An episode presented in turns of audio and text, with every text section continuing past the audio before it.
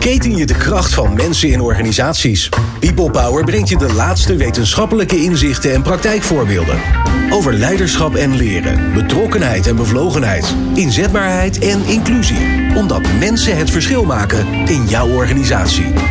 Power met Glenn van der Burg. In een productiebedrijf onderhoud je de lopende band. En in een projectorganisatie zonder producten, tenminste fysieke producten, onderhoud je je mensen. Natuurlijk moeten KPMG'ers vakinhoudelijk top zijn, maar ze moeten ook goede gesprekspartners zijn bij de klanten van uh, KPMG. En dat vraagt nogal iets van de persoonlijkheid van mensen. Met een gemiddelde personeelsleeftijd van 33 jaar zijn er veel jonge KPMG-medewerkers. Hoe geef je hun carrièreontwikkeling de ruimte in balans met de nodige prestaties? Hoe verantwoord, hoe verantwoord je de investering in zoveel jonge mensen? En hoe balanceer je tussen het behoud van collega's en de uitstroom? Ik vraag het aan Caroline Tervoort. Zij is CHRO, oftewel de HR-baas bij KPMG. En Tom Bos, algemeen directeur van Online Academy.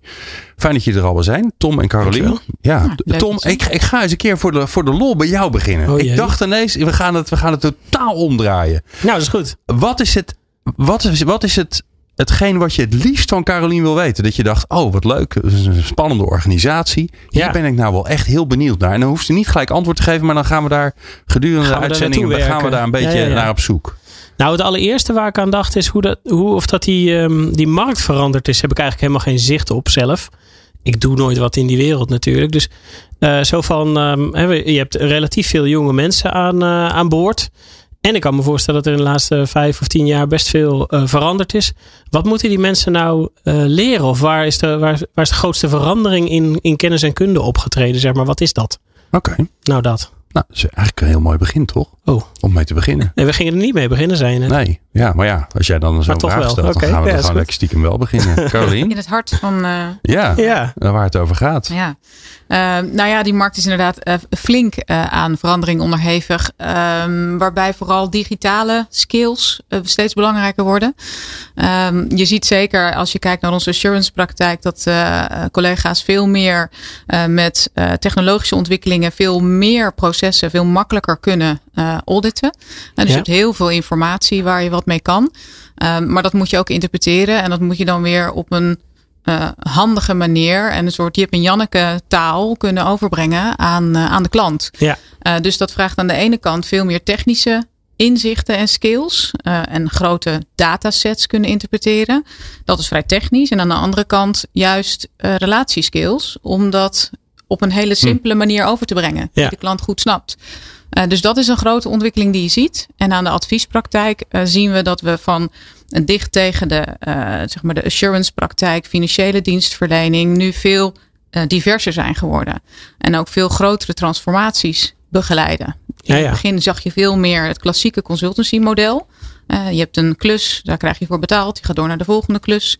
En nu zie je dat er veel meer grote transformatieprojecten van jaren bij klanten uh, spelen. Ja, ja. Okay. Um, okay. En ook heel veel in de technologie sector. Dus wat, een, wat vinden die jonge mensen daarvan? Ja, leuk, want dat is een soort speeltuin aan opdrachten en ervaringen die je kan doen.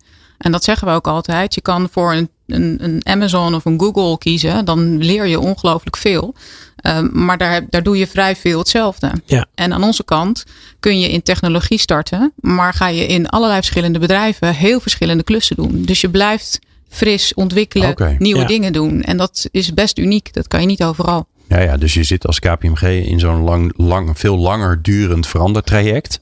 Maar het is niet zo dat iedereen daar zo lang in blijft. Want dat, nee. daarvan dacht ik gelijk van ja, volgens mij het, het interessante. Vroeger, heel lang geleden, toen, toen ik van school afkwam. Jeetje, dat is lang geleden. Uh, toen was KPMG ook een van de, ja, van de clubs waar je ging werken. Want ja, dan kon je af, kreeg je afwisselend werk. Want ja. dan zat je ja. niet overal inderdaad bij, dezelfde, bij hetzelfde bedrijf. Nee. Maar als die veranderingen langer worden, dan, dan, gaat, dan wordt dat misschien wat minder. Ja, Zie je dat, dat, niet? Nee, ja, dat, dat is namelijk nog diverser geworden. Je hebt natuurlijk nu die lange trajecten. Maar je hebt ook nog weer een heleboel andere trajecten bij bijvoorbeeld publieke, publieke sector of uh, bij strategy en operations. Dat zijn heel andersoortige opdrachten. Hm. Dus het is maar net waar je op dat moment van zegt, nou dat wil ik ontwikkelen. Ja.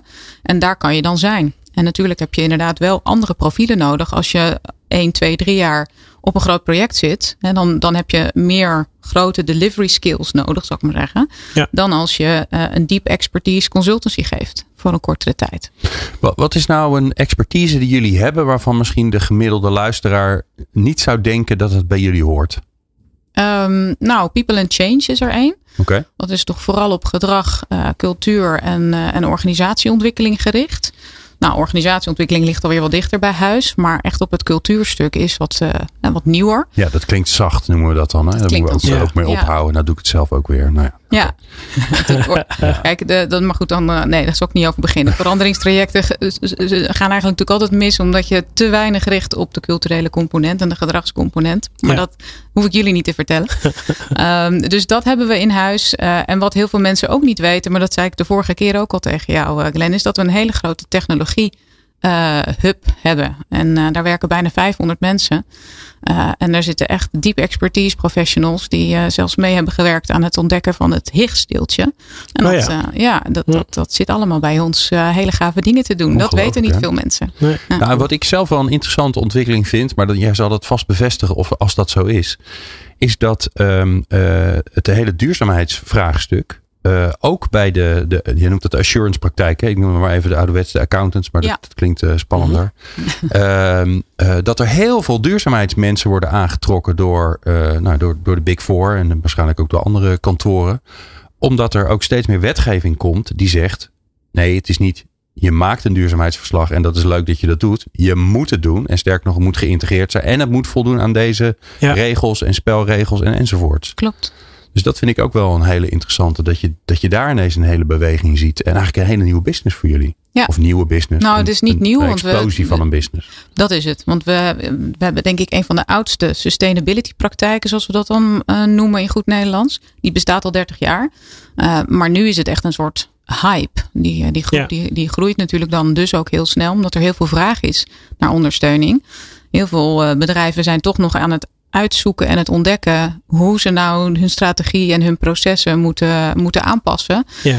Uh, en hoe dat werkt. En daar proberen we ze inderdaad uh, mee te helpen. Uh, dus dat is een, een bloeiende praktijk op het moment. Ja. Nou, een mooie vraag. eh, Want eh, hierdoor krijgen we dus een mooi beeld hoe divers eigenlijk KPMG als bedrijf is. Hè. Dat je, jullie hebben over een ongelooflijk veel verschillende specialismen. Hebben jullie verstand van en hebben jullie ervaring mee en hebben jullie expertise op.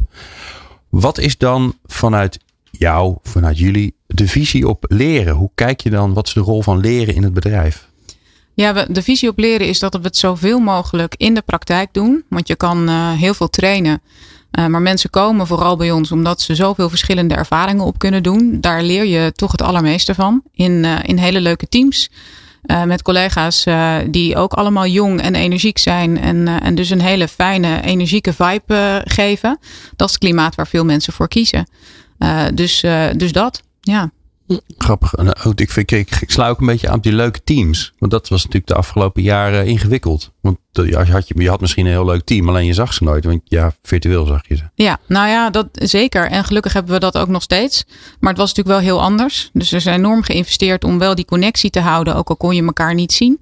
Maar tuurlijk is dat anders. Ja. En uh, daar hebben we hard voor moeten werken. En je hebt ook een grote groep jonge mensen die um, bijna twee jaar vanuit huis hebben gewerkt. Nooit uh, bij een klant zijn geweest of slechts één of twee keer. Ja. En hun teams ook heel weinig in, in levende lijven hebben ontmoet. Dus die cultuur voelen, wie zijn we dan als KPMG? Dat wordt natuurlijk echt wel ingewikkeld.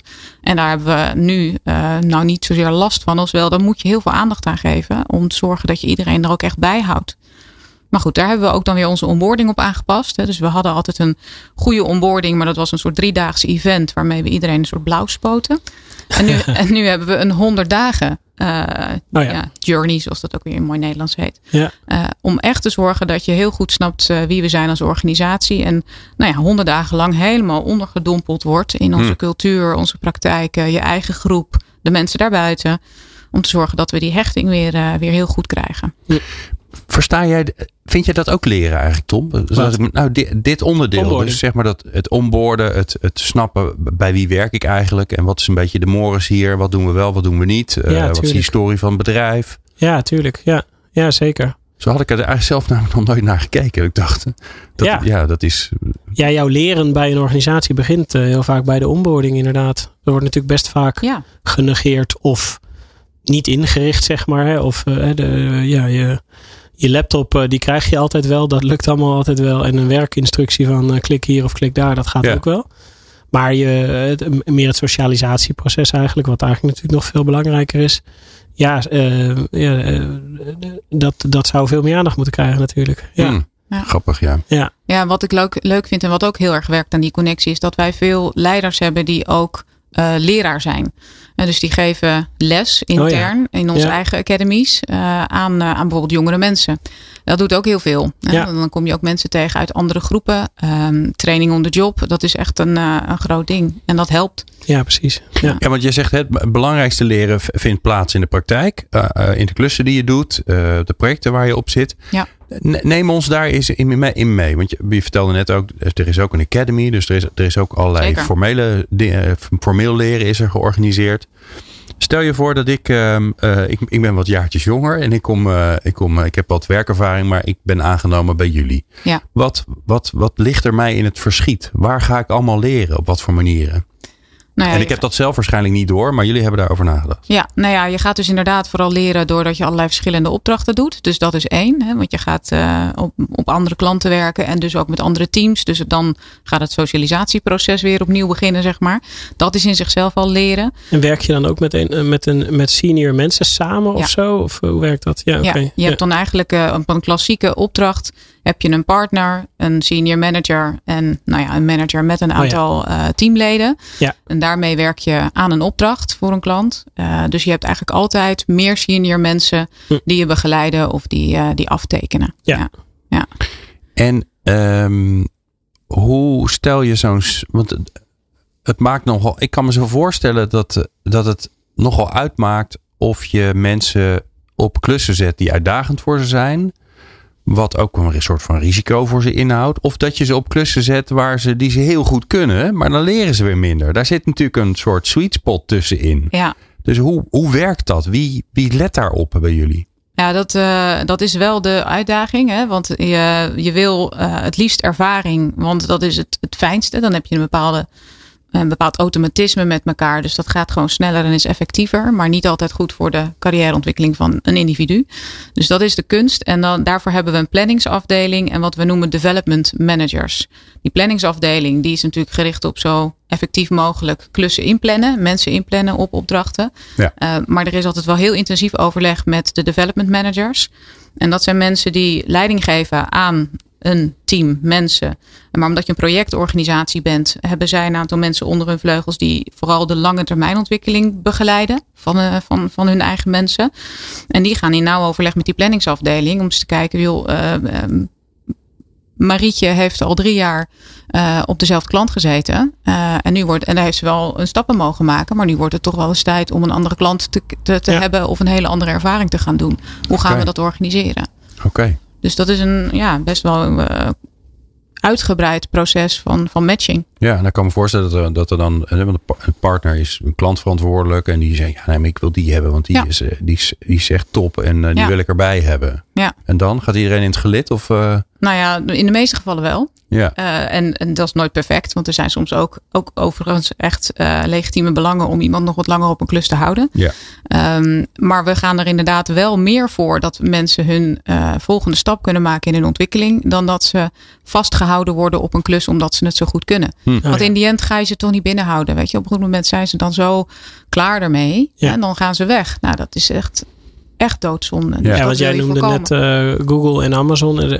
Ik, ik, kan me voorstellen dat je met de andere kantoren concurreert om personeel, maar ook dus met dat soort uh, clubs. Ja, zeker in advies zijn de, de markten heel divers. Ja, ja. En uh, dat is echt niet meer klassiek de, de andere big, big three. Nee, precies. dat, is, dat is echt een veelheid. Zelfs ook hele kleine boutique adviesbureautjes. Ja, ja. We hebben natuurlijk ook nog een grote dealspraktijk. Je hebt zoveel verschillende ja. praktijken. Ja, daar hoort een andere markt bij. Dus dat is heel divers. Ja. Oh ja. Ja. Zo. En um, oké, okay, dus zo word je eigenlijk ingezet op klussen. Ja. Uh, uh, hoe, hoe weten jullie van mij waar, ik, waar mijn interesse ligt? Dus wat ik eigenlijk wil leren? Ja, dat doen we uh, in de gesprekken. dus de development managers opnieuw zijn heel belangrijk om dat gesprek met elkaar aan te gaan. Dan hebben we natuurlijk ook systemen waar je bepaalde voorkeuren in, uh, in kwijt kan. Maar ik moet wel zeggen dat we nog steeds veel meer gericht zijn op die relatiekant en veel minder vanuit een systeem een soort matching doen. Um, dat is overigens wel weer een stap waar we mee bezig zijn. Om het wel wat meer te laten ondersteunen door systemen. Uh, maar je, je merkt gewoon dat de kennis zit zo in het hoofd van mensen. En ook in hoe je uh, die match goed kan maken. Dat het eigenlijk altijd op die manier gaat. Ja, oh, en, en zelfs als je nog, want jullie hebben veel mensen. Zelfs als je zoveel mensen hebt, uh, zit die echte, dat echte gevoel van ja, maar je moet eigenlijk deze, deze is goed. Want dit past precies bij diegene in de ontwikkeling waar die in zit, maar ook met de, de kennis die zij heeft. Ja, dat nog steeds wel. Ja, En natuurlijk heb je de, de basics heb je in een systeem staan. Hè? Dus welke kennis iemand heeft. Gewoon technische kennis. IFRS, US GAAP, US GAS. Al dat soort dingen. Dat ligt gewoon vast in een systeem. En daar kun je gerust al een eerste matching op maken. Hoeveel jaren werkervaring kan iemand aftekenen? Heeft hij zijn NRA gedaan? Nou, al dat soort dingen. Uh, maar vooral als het gaat om bepaalde competenties, ervaringen bij grote klanten, uh, juist kleine klanten, scale-ups, dat soort dingen, dat zit veel meer in het hoofd van mensen. En met name dus ook de voorkeuren van mensen. Ja. Dan, dan heb je daarnaast natuurlijk um, uh, het leren van elkaar. Nou, dat gebeurt in die teams. Ja. Hoe, hoe deed je dat, zeg maar, hoe doe je dat op afstand? Nou, moeilijker. Ja, dat lijkt me heel ingewikkeld. Dat afkijken. En bij hebben jullie zitten vaak, hè, er worden vaak kamertjes ingericht. Zeker in de assurance praktijk. En, oh, daar heb je ze weer. En dan moeten, moeten weer een kamer ont, een vergaderkamer ontruimd worden. Omdat er een paar dagen, een paar dagen of een paar weken lang weer een blauwe pak in zitten. Vroeger was het natuurlijk, dus natuurlijk niet meer zo. Allemaal nu, nu heb je sneakers. Hipper sneakertjes die er rondlopen. En spijkerbroeken. Um, ja. Dus hoe, ja, hoe zorg je ervoor dat dat afkijken goed gaat? Uh, nou, in het begin uh, van, de, van de crisis is dat zoeken geweest. En op een gegeven moment hadden we daar wel uh, wat meer een vorm voor. Elk team doet het ook wel een beetje op zijn eigen manier. Maar een van de voorbeelden is dat ze bijvoorbeeld de hele dag gewoon een Teams openzetten met hun eigen team. Oh ja. En dus ja. dat je gewoon, in, gewoon je team in beeld hebt de hele dag. Oh. Um, waarmee je dus ook een soort interactie kunt hebben op het moment dat je vragen hebt. Of dan ook, dan kun je even erin stappen en zeggen: jongens, hoe zit dit? Nou, dat werkte best wel goed. Uh, maar nooit zo goed als dat je schouder aan schouder kan zitten en even mee kan kijken en zeggen: hey, dat moet je even zo doen. Of heb je daar al eens aan gedacht? Ja, dat werkt toch echt fysiek het allerbeste. Ja. Dus zodra we weer konden, hebben we daar ook zoveel mogelijk wel op ingezet. Met anderhalve meter en alles netjes. Maar wel dat je fysiek uh, bij elkaar kon komen. Zolang dat kon, zolang dat mocht. Ja. Ja. En hebben jullie dan nu de noodzaak om daar een soort van policy op te gaan houden? Want dat is natuurlijk een van de vraagstukken waar veel organisaties in zitten. Ja. Uh, Oké, okay, thuiswerken blijkt dus best wel goed te werken hè, voor de bedrijven die, die nog, daar nog weinig gebruik van maak, maakten. Uh, aan de andere kant zijn we er ook achter gekomen dat we ook voor bepaalde dingen, nou je gaf net zelf het voorbeeld, juist wel bij elkaar moeten zitten. Ja. Laten jullie het los? Spreken jullie het af per team? Uh, is er Ja. een soort company guideline? Ja, we hebben wel een guideline. En dat noemen we in goed Nederlands de Five Point Promise. Waarbij we zeggen, nou ja, kijk, in, in eerste instantie, we zijn 105 jaar oud geworden omdat we met de klant samen uh, voor de klant uh, het werk hebben gedaan. Dus, um, en tegelijkertijd is werken een activiteit en niet een plaats. Dus we zeggen niet je moet naar kantoor, maar we zeggen ook niet je moet thuis blijven. Want als je kijkt naar cultuur, dan wordt dat gemaakt doordat je met elkaar interactie hebt. Uh, en elkaar leuk vindt en dingen met elkaar kan afstemmen. En, en dan gaat dat socialisatieproces aan. Dat gebeurt gewoon niet remote. Dat kan gewoon echt niet. Uh, dus het is in die mix dat we zeggen, we, we, wij doen aan hybride werken. We willen echt dat mensen uh, nou ja, dat adagium vasthouden. Werk is een activiteit en niet een plaats. Dus je bent waar het type werk je vraagt. En nou ja, de klant is zeer belangrijk. Dus je kijkt altijd samen met je team waar je dan moet werken om die klant goed te bedienen. En dan maak je met je team afspraken over. Dus ik ga niet zeggen twee dagen thuis, drie dagen bij de klant of op kantoor. It makes no sense. Hm. Want je hebt zoveel opdrachten, zoveel klanten, zoveel situaties. Dan heb je ook nog een, een business services afdeling waar mensen gewoon in principe in teams uh, intern werken. Daar geldt weer wat anders voor. Ja. Dus ik, en we, we hebben allemaal hoogopgeleide mensen in huis die echt heel goed in staat zijn om samen met elkaar af te spreken hoe dat het beste werkt. Dus zo doen we dat. Alright. En hebben jullie ook aanvullend daarop zeg maar een afspraak over hoe leren moet plaatsvinden. Of dat online of klassikaal of, uh, of zeg maar uh, formeel dan bedoel ik hè? Ja, het formele leren doen we dan nu wat we zo mooi noemen blended. Ja. Uh, dat zal je kennen. Um, dus ja, waar het kan doen we het zeg maar offline. Uh, of klassikaal. Dus Ja. ook, dat, ook daar weer die interactie op te zoeken voor de, de, de, de trainingen en de opleidingen waar je ziet, ja, dat heb je echt nodig. Um, maar daar waar je uh, bijvoorbeeld met bepaalde toetsen of wat meer technische kennis uh, dingen gewoon ook online kan doen, doen we dat. Ja. Dus het is eigenlijk online in dienst van offline. Ja, precies. Ja. ja.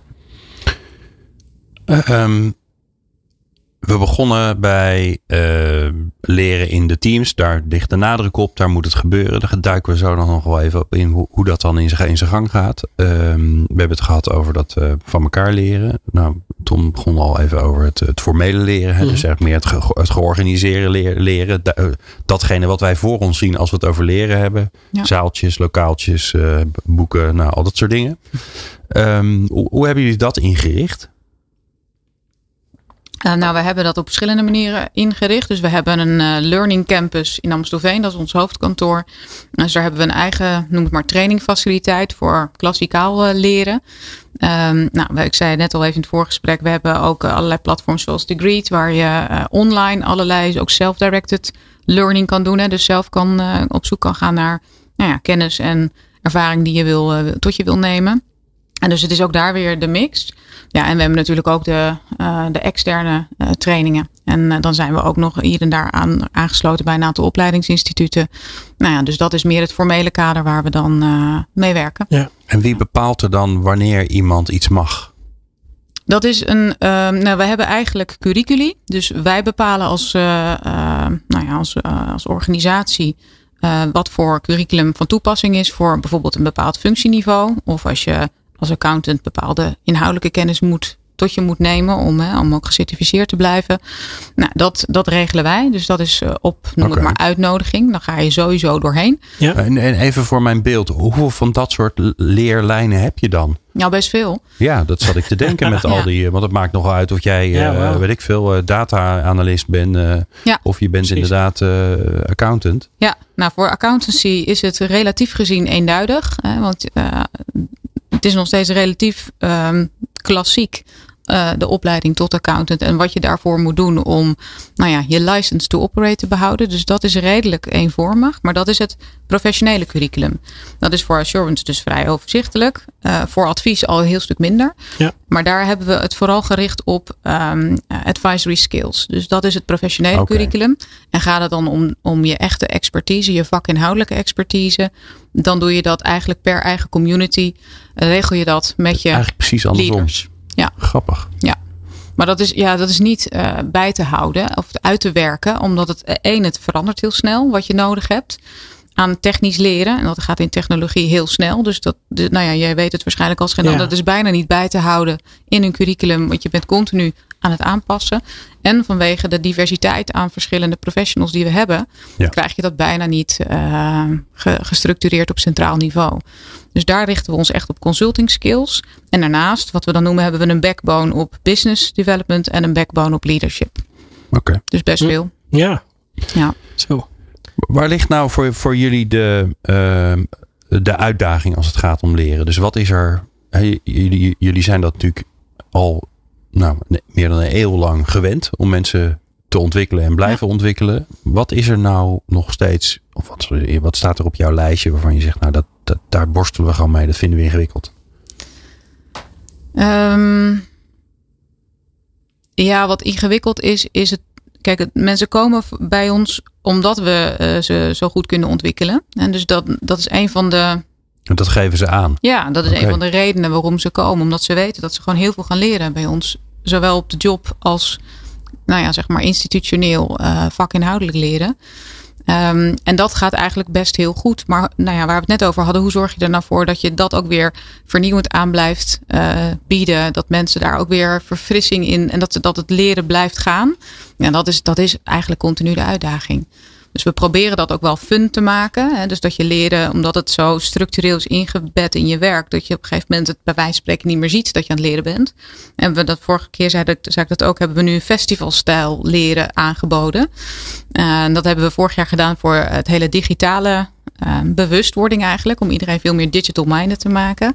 Dat sloeg heel goed aan. Omdat je dan weer even wat nieuws aanbiedt. Ja. En uh, je had, uh, was allemaal virtueel. Je had de Dixies waar je de Dixie Talks uh, kon doen. Oh, ja. En dan had je Ja, allerlei leuke gesprekken met, nou ja, met mensen die je niet dagelijks tegenkomt. Ja. Eh, Ga je had- dit jaar weer doen? Maar dan in we gaan hem ook weer. Ja, nou, nou, dat, is nog de, dat is nog de vraag, inderdaad. Hoe we dat gaan doen. Maar we gaan hem wel weer doen. Maar we zijn dus inderdaad aan het kijken wat, welke vorm we daar het beste voor kunnen kiezen. Ja. Heel Ja. leuk. En dan weer een ander thema? Eh, misschien wel een ander thema. Ja, we zijn natuurlijk nu ook heel erg op eh, eh, ESG, dus duurzaamheid aan het inzetten. Ehm, en dus daar kan het ook over gaan. Dat, dat gaan we nu eens eventjes met elkaar goed, goed bekijken. Ja. Ja. Grappig, ja. ja. Waar- waarom is dat? Dat vind ik wel grappig. Jullie zijn een organisatie waar mensen komen werken. Omdat ze heel veel, heel, heel in, een, in relatief weinig tijd willen leren aan het begin van. En dan, dan hebben jullie een, natuurlijk ook nog de, ehm, eh, hoe moet ik dat zeggen? De wortel, de, de zeer aantrekkelijke toekomst. Dat je daar misschien wel partner kan worden. Hè? Dus die, die stapjes die je daarin kan zetten. Hè? Eh, Of, of je leert heel snel en je denkt op een gegeven moment, nou, ik ben wel klaar en dan ga je ergens anders heen. En dan ben je voor, waarschijnlijk voor je leven lang ben je een soort ambassadeur geworden voor, eh, voor KPMG. Of je gaat, de- nou ja, de, je gaat de stapjes zetten en dat is ook dat is allebei interessant. Ja. Ehm, wa- waarom is het dan toch nog nodig om, om dat leren leuk te maken en, eh, en een festival? En eh, je zou toch zeggen van ja, kom op, het zit zo in het DNA van bedrijven van een flauwekul allemaal. Hè? Ja. Gedoe. Dat kan. Ja, goed. Weet je, je moet ook eh, daarin ehm, met, je, met je tijd mee. eh, om, om het maar zo te zeggen. En je ziet gewoon dat om, om echt het leren eh, goed te doen. eh, heb je gewoon andere vormen nodig. En dat, dat ontwikkelt ook in de tijd. En het klassieke leren. Nou, ik, ik, heb gehoord dat Tom een didacticus is. Dus die kan het nog veel beter uitle- uitleggen dan ik. Maar iedereen leert op zijn eigen manier. En heeft andere leerstijlen. Dus als je continu het klassieke blijft aanbieden. Dan ga je mensen niet aan je binden. En niet boeien. Ja. En dus dit is nodig om, dat, eh, om het interessant te houden. Heb jij nou ook gemerkt, dat moest ik gelijk aan denken toen je het over die festival had, maar ook over, die, over al die leuke jonge mensen die bij jullie werken. Zijn ook gewoon de verwachtingen gestegen? Is, want dat, dat, dat zie je natuurlijk in de maatschappij. Hè? Als ik alleen al kijk toen ik eh, eh, jong was. Nou ja, eh, eh, Europa uit, dat was echt heel bijzonder als je dat deed.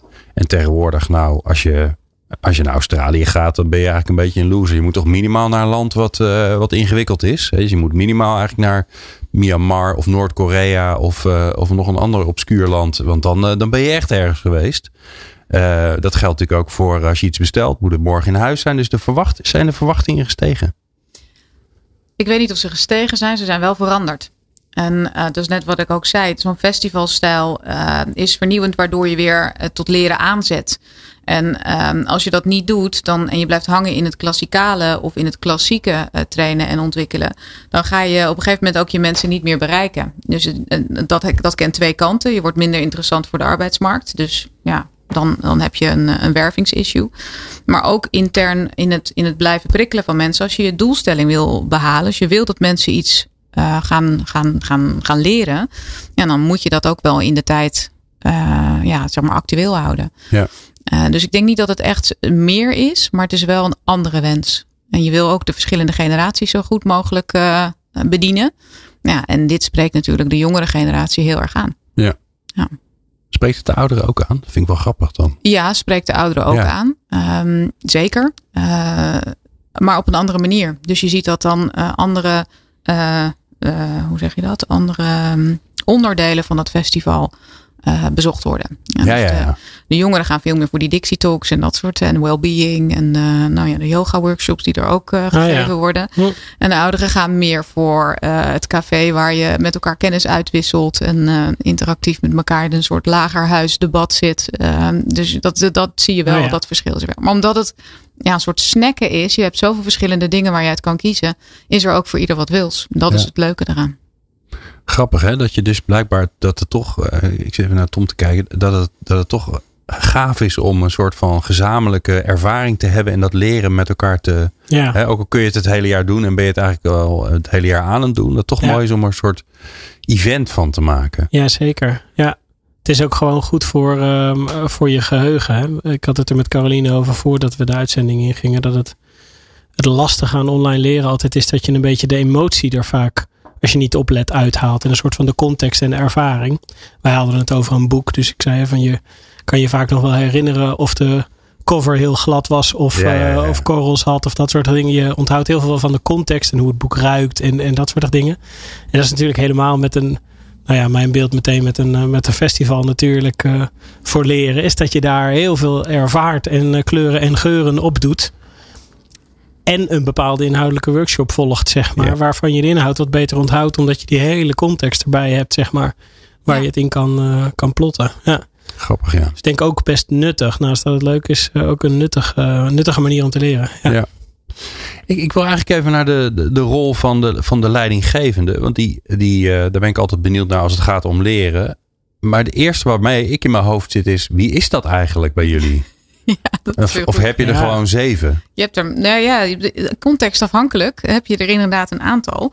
Kijk, je hebt een, een, een groep mensen, een community zoals we dat noemen, waartoe je behoort. Dat kan een regio zijn of dat kan bijvoorbeeld het cyberteam zijn. Dat, is, dat noemen we dan een community. Dat is dan En ook allebei. functioneel. Cyberteam, regio. Ja, dat Nederland kan. Maar in dit geval is het cyberteam eigenlijk al helemaal in Amstelveen. eh, Ja, ja. Dus dat is dan een community in Amstelveen. Maar het, Ah, het zou, het zou kunnen. Ja. Ehm, maar we zijn, eh, Assurance kent vooral regio's. Hè, want die hebben nog een aantal regiokantoren waar ze ook eh, zitten. En ehm Advisory zit primair in, in Amstelveen. Met Ja. nog een klein beetje in Eindhoven bij de Tech Campus. Ehm, maar goed, dus dat is hoe we dan verdeeld zijn. Eh, dus je hebt je eigen baas, je functionele baas, hè, waarin je in je community en de voorzitter van dat, eh, van dat clubje, dat is eigenlijk je hiërarchische baas. Ja. Ehm, maar op de opdrachten heb je een partner die opdrachtleider is, of een senior manager. Eh, en die is dan je functionele baas voor de periode dat je daar werkt. En dat kan soms hetzelfde zijn, maar Oh ja. heel vaak is dat dus ook anders. Hm. Dus ja, het is contextafhankelijk wie de baas is. Ja. Ja. En dan heb je nog, je, die hebben we net geleerd, je development manager. Die, die is natuurlijk ook nog bezig met hoe gaat het met je en hoe ben je. Ja, waarbij dat natuurlijk wel altijd iemand is in die community eh, die dus dan people leader is. Ja, ja, oké. Ja. Eh, en afhankelijk van de grootte van zo'n community, als je 500 man eh, in een community hebt, dan moet je dat verdelen. Dus Ja. dan heb je een aantal mensen die wat meer die people taak pakt. Maar in principe volgen we, zoals we dat ook weer zo mooi in het Nederlands zeggen, de chain of command in Hmm. wie is dan DM'er. Oh ja. En hoe zorg je er dan voor dat die eh, verschillende leidinggevenden die je dan hebt als, eh, als, als KPMG-collega, dat die, dat die met, ook met dat leren bezig zijn? Dat die daarbij helpen of ondersteunen en, en niet je afremmen. Hè? Want je kunt volgens mij of je kunt iets positiefs doen of iets negatiefs. En neutraal is bijna niet te doen. Want als je iets neutraals doet, is het vaak al negatief. Nou ja, de, de development managers, om ze toch maar even zo te, te labelen, die komen wel geregeld bij elkaar. Om ook met een, eh, met een groep over hun mensen in die community te praten. En te kijken, wat, nou, hoe gaat het? Eh, moeten we nog iets extra's doen? Eh, moeten we weer eens samenkomen? Nou, op die manier te zorgen voor de mensen in de groep. Dus dat is een, een belangrijke manier. Vanuit HR begeleiden we dat. Hè. Dus we hebben een, een zeg maar, business partner team, wat ook de development managers helpt, Ja. adviezen geeft. En ook hier hebben we functioneel leren. Dus we hebben een development management eh, opleiding, eigenlijk, programma intern. Voor beginnende eh, mensen die net een people leader rol krijgen tot ervaren. En Hm. dan, ja, dan proberen ze op die manier ook de juiste skills Hm. mee te geven. Ja. Dus ook weer een veelheid aan support en ja, precies. ontwikkeling. Maar best wel, dat vind ik wel grappig. Ik, hoor- ik hoor ehm, eigenlijk twee belangrijke dingen. Nee, ik, ik, zie- ik zie een plaatje met drie dingen voor me. Dus ik ga kijken of ik de luisteraar mee kan nemen in mijn eigen rare gedachten. dus je leert vooral heel veel in de, in de praktijk, in de, in, de, in de klussen die je doet. Ja. Dus dat is deel één. Het andere wat ik zie is dat jullie echt wel ook heel gestructureerd werken aan de ontwikkeling van, eh, van, van vakmensen. Eh, als je nou accountant bent, dan heb je daar gewoon leerlijnen voor. En als je in de advisory zit, heb je daar ook gewoon leerlijnen voor die je volgt. Hè? Dus, je, dus je hebt ook, je wordt ook in een, ik zeg het even onaardig, maar je wordt ook in een mal gestopt. Hè? Dus je wordt ook echt wel even door de wasstraat gehaald. eh, dus, nee, maar dat, ik, Ja. vind het, ik vind dat wel heel. Ge en, Ja. en de derde is eigenlijk dat je, ehm, eh, dat je heel veel mogelijkheden hebt om jezelf überhaupt te ontwikkelen. Ja, dat klopt. En in plaats van uh, de mal waar jij over spreekt, spreek ik liever van foundation of de, of de licentie die je nodig hebt Ja. om de baan op te kunnen. Hè? Dus als je, Compliancy en... eh, ja, gewoon je, als, je, als je dit niet eh, volgt, kun je gewoon niet goed, een echt goede adviseur of een echt goede accountant zijn. Ja. Dus dat is een soort knock-out eh, basis eh, die, we, eh, die we altijd willen dat iemand volgt. En dat is niet een mal, want dat zou, wat mij betreft, is dat een smalle Ja, dat is definitie. Het is. Ja. echt de basis van je precies. vak. Ja. Dat is nodig om je vak uit te oefenen. Ja, wat ik er wel interessant aan vind is dat je zeker bij de, bij de advisory, waarbij je natuurlijk heel erg op die, die wat is het überhaupt om een adviseur te zijn? Dat, Ja. je, dat je daarmee natuurlijk ook richting kan geven aan hoe mensen in dat vak staan. Klopt. Eh, ik heb toevallig eh, ooit ehm, eh, wat, eh, een on- ik was een heel klein onderdeeltje van, van een van die leerlijnen. En wat ik daar wel heel gaaf aan vond, was dat die, dat die heel erg ging over.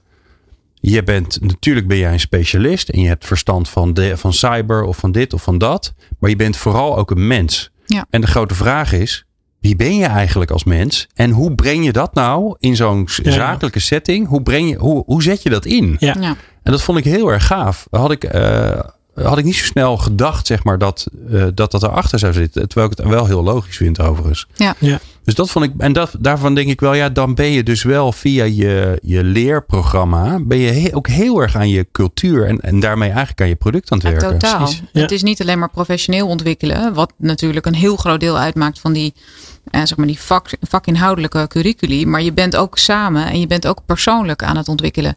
Eh, dus dat gaat ook hand in hand. Je kan niet het een zonder het ander. Ehm, en waar we net mee begonnen, dat je steeds meer eigenlijk relationele skills nodig hebt om je vak goed te doen, maakt het alleen maar nog belangrijker om ook juist die persoonlijke ontwikkeling te raken. Precies, ja. Ja. Hey, en op helemaal persoonlijke noot stel dat ik zeg van... eh, ik werk bij KPMG en het lijkt me echt fantastisch om nog eens een keer mijn MBA te halen of zoiets. Is daar ook bij jullie ruimte voor? Zeg Ja. maar doorgroei voor medewerkers in... Nee, er is zeker ruimte voor. Eh, Dat zijn natuurlijk wel echt exclusieve opleidingen. Dus daar, eh, daar kijken we wel extra goed naar. Ja, Eh, maar het kan wel. ja dus dat vraag je aan en dan, dan kijk je met HR of met je... Precies, daar hebben we dan zo'n protocol voor Met je om te kijken Ja, precies. hoe Ja. we dat kunnen regelen. Ja. Nou hebben jullie ook nogal wat eh, nationaliteiten in dienst. Ik heb doorgekregen 68, maar het zullen er va- vast ondertussen 70 zijn of 67, maar veel. 74. 74, Ja. nou zie je, dat is dus alweer verouderde informatie. Ja, ja, goed. Maar wel veel dus. Wat, ehm, wat, wat doet die diversiteit en nationaliteit? En dan heb ik nog niet over alle andere de diversiteit die jullie natuurlijk in huis hebben. Wat doet dat met, met de manier waarop je naar leren kijkt? Eh, de, manier, de manier van leren niet per se, al, maar ook hier de context is weer heel belangrijk. Dus je probeert zoveel mogelijk, ehm, hoe zeg je dat? Bias-free eh, die trainingen aan te bieden. Wat eigenlijk onmogelijk is, want we zijn allemaal biased. Dus dat is Ja. Dat kan niet. Behalve dan dat je het aan het begin heel erg duidelijk ook benoemt en bespreekbaar maakt. Ehm, en daar hebben we nu ook een, een, een mooi programma, het eh, Inclusion and Diversity Impact Program voor lopen. Die zijn bijna al onze partners en directors doorheen gegaan. En dat is heel mooi om te zien dat, dat je dan ziet, er is bewustwording van het feit dat we dus allemaal die bias hebben. Iedereen heeft dat, die vooroordelen. Of, of je nou denkt dat je het hebt of niet, je hebt het. Want Ja. zodra je kijkt naar iemand, ben je al bevooroordeeld. En als je je er niet op kan reflecteren, kan je er ook niks mee. En dus daar hebben we nu heel erg in geïnvesteerd. Doen we nog steeds overigens. En dat neem je dan vervolgens mee in die trainingen. Dus als het gaat weer om die leiders die ook leraar zijn, um, neem je die dat ook weer mee naar hun trainingen intern. En zo proberen we dat als een soort olievlek ook uh, verder te laten Ja. verspreiden. Je had het over die leiderschaps, uh, uh, ja, hoe noemde je het? Een, uh, een kernprogramma of zoiets, hè? Voor, uh, voor In Inclusion and Diversity Impact Program. Ja, je die? ja en um, is het dan zo dat je dat, zeg maar, als je dat in Nederland, in uh, Amstelveen of, uh, of Eindhoven, snap ik dat de programma's misschien op elkaar lijken, maar al moet je het in Zuid-Afrika of, uh, of India intrainen, is dat, ziet dat er dan anders uit of is het hetzelfde? Op vakinhoud is het vaak hetzelfde. Want de techniek van hoe je boeken controleert, die, ja, tuurlijk, die ja. is in principe ja. uh, overal hetzelfde. Dat is ook niet helemaal waar trouwens, maar even onafhankelijk van de wet en regelgeving. ja, dat snap ik. Ja. Um, dus, dus dan heb je het over methodologieën intrainen. Ja, dat is in principe overal hetzelfde binnen KPMG. Dat is ook juist belangrijk, want je wil die kwaliteitsstandaard wil je overal hetzelfde hebben. Niet Ja. als je een grote internationale klant controleert in, in de US, dat Ja. ze iets heel anders krijgen dan in eh, Azië. Dat Ja, zou precies. gek zijn. En, Dus en dat is jullie inclusieprogramma is ook hetzelfde, zeg maar even. Eh, nee, nou ja, niet, niet eh, internationaal. Hè. Hm. Dus dit is wat wij lokaal doen in Ja. Nederland. We hebben wel een aantal internationale programma's. Ja. Maar deze die ik nu benoem is heel specifiek voor Nederland. Ja, precies. Ja. Ehm, dus wij proberen daar op die manier zoveel mogelijk mensen bewust van te maken. ja. Ehm, ja, en ook overigens leiderschapsprogramma's die we aanbieden, bijvoorbeeld voor partners, eh, die, eh, die we dan in EMA of in global verband aanbieden, die behandelen wel vaak dezelfde thema's, maar die zijn dan op zo'n level dat je in principe dat in elke cultuur dat het een thema is. Alleen het gesprek Oh ja. erover is, is anders, want ik heb een heel andere culturele context dan iemand uit Azië. En dan Ja. is dat waar het gesprek over gaat. Hoe werkt dat dan bij jou of hoe werkt dat dan bij mij? Leiderschap in Azië, hartstikke leuk. Wat ervaar jij en Ja. wat ervaar ik? Dat is nogal Ja. wat anders. Precies. Ja. Ja. Oh, ja. Ik wil eigenlijk ehm, eh, nog even met je naar de toekomst kijken. En ehm, ehm, als jij nou voor jezelf geïnspireerd wil raken en denkt, goh, ja, wat, eh, wat, we doen het hartstikke goed, maar wat ligt er nog in het verschiet? En waar zouden we nog beter of nog leuker of nog mooier dingen kunnen doen? Waar, kijk jij dan naar? Welke bedrijven vind je dan of welke organisaties vind je inspirerend? Of nou, misschien eh, komt het wel uit een totaal andere hoek. Ja, vind ik moeilijk om een antwoord op te geven. Omdat ik, nou, ik ben sowieso altijd heel breed geïnteresseerd geweest in ah, van alles en nog wat. En dat, dat is nog steeds zo. Eh, dus ik, ik kijk eigenlijk, probeer heel goed te kijken naar wat heel veel verschillende bedrijven doen. En daar wat eh, van te leren. En hier en daar ook eh, dan dus eh, Steel with Pride wat van binnen KPMG te brengen. Ehm, nou ja, er zijn natuurlijk bedrijven die, eh, zoals een Google, met een, een hele andere manier van kijken naar innovatie en leren. Of ehm, eh, Netflix die zegt we hebben geen vakantiedagen meer. Iedereen die eh, zoekt maar zelf uit hoe ze dat doen en dat gaat hartstikke goed. Ja, dat zijn natuurlijk wel eh, inspirerende ideeën die je meeneemt. En dat moet je dan vervolgens weer in de context van KPMG plaatsen om te kijken. Kunnen we daar wat mee? Is de tijd daar rijp voor? Hoe zou dat eruit zien? Maar dat neem ik wel mee. Dat vind ik wel heel interessant om over na te denken, te zien wat we daarmee kunnen. Dus je- je- voor mij ontstaat er een vraag bij je, toch? Ja. Nee, nee, nee. Ik, zit, je eh, ik zit- zit te broeden op het Ik antwoord. wou, oh, ja. je zit zelf te broeden op. Jij, jij, jij zit te broeden op het antwoord. Nee, ja, ja, op het antwoord van Carolien bedoel ik, zeg maar. Dus ik, ik Ja, zit dan ook te denken van, eh, inderdaad, wat zijn, eh, welke organisaties kijk je naar, zeg maar, als jullie kijken naar de, eh, de, na- naar de stappen richting de toekomst. Wat is vergelijkbaar met jullie en toch leerzaam? Was dat- zat me te bedenken, is best een moeilijke context eigenlijk. Nou, Ja. het is heel divers en dus moet je vooral ook van je eigen kracht uit durven gaan. Ja. En een heel goed soort eh soul searchen. Wie zijn we eigenlijk als werkgever? Waar Oh ja. staan we voor? En wat betekent dat dan dus in mijn geval voor Ja. wat we aan people beleid en strategie uitwerken? Ja. Dus dan heb je het eigenlijk over de employee value proposition.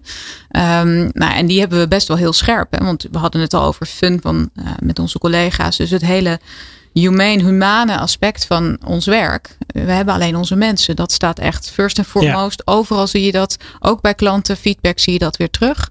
En het andere is, nou ja, waar we het de hele tijd over hebben. ehm the best place to build your career. Als je bij ons komt, ga je ontzettend gave ervaringen opdoen. eh, heel, heel veel ontwikkelen. eh, en heel veel leren. En dat Ja. zijn eigenlijk de twee dingen die ons uniek maken. Dus daaromheen wil ik dan ook eh, onze people strategie helemaal laden. Weet je wel, als we naar ESG kijken. Ja, eh, als wij nou eens even al onze arbeidsvoorwaarden helemaal door die ESG-lens halen. Waar, Ja, waar environmental, social en go- go- governance. Hè? Ja, dat, is- ja, nou ja, dat Ja, nou ja, voor goed. als je Ja. dit kan Ja, ja. luisteren en denkt, ik heb geen idee waar het over gaat. Dankjewel. Nee, dat is Ja. inmiddels allemaal zo gebruikelijk voor mij dat ik dat vergeet. Maar dankjewel. Dus dat is eigenlijk alles wat, ehm nou maar zeggen, vooruitgang die goed is voor klimaat, mens en maatschappij. Daar, nou ja, daar naar kijken. En nou, als ik dat nou voor mijn eigen arbeidsvoorwaarden doe of voor mijn eigen people-beleid. Hoe ziet dat er dan uit? Als wij gewoon alles eens eventjes zo'n Mhm. ESG-lens geven. Waar zitten we dan op dat spectrum? Doen we dat Ja. goed? Doen we dat niet goed? Nou, zo probeer ik daarmee dus ook onze, Ja. ons werkgeverssignatuur helemaal fris te houden Ja. en, eh, en inspirerend. Ja. Nou, nou denk ik dat daar best wel wat eh, in veranderd is ondertussen. Maar eh, de verhalen die je onder meer bijvoorbeeld hoort van nog een extremere omgeving waar je, waar je nog, eh, waar, waar carrière maken en carrière najagen nog heftiger is. Hè? De Zuidas advocatenkantoren, daar hoor je nu heel veel verhalen terug, terugkomen dat ze daar echt wel een probleem hebben. Want nie- mensen willen dat gewoon niet meer. Mhm. Ja. Die willen, hè, jonge mensen die denken, ja, kom op hé, ik, eh, ik, ik, wil, ik wil ook leven. het is natuurlijk een hele fijne ontwikkeling dat dat zo is. Hè? Zeker. Lopen jullie daar ook tegenaan? Want ook bij KPMG is het natuurlijk. Hè, die hebben, jullie hebben natuurlijk jarenlang ook gehad dat het was. Nou, hè, eh, de, de belofte van misschien word je wel partner. En die, en die, die trapjes omhoog. En om het maar even onaardig te zeggen, de red race om, om daar te komen. Ja, dan moest je je laten zien. Dan moest je laten zien, je, je uren maken en declarabel zijn. En, en, Ja. en, en veel leren, zeker. Hè. Eh, heb je daar last van? Of last van? Of ben je, ben je daarmee bezig om dat te veranderen? Ja, en last van niet per se eh, dat het er is, jazeker. Eh en het is ook heel hard aan het veranderen. Eh, want ik zeg niet voor niets, we hebben 500 mensen met een technology achtergrond. Ja, dat was vijf jaar geleden niet zo. En Oh dus, ja. dus, dus dat geeft een hele andere dynamiek. En dus ook een hele andere begeleiding van carrièrepaden van mensen.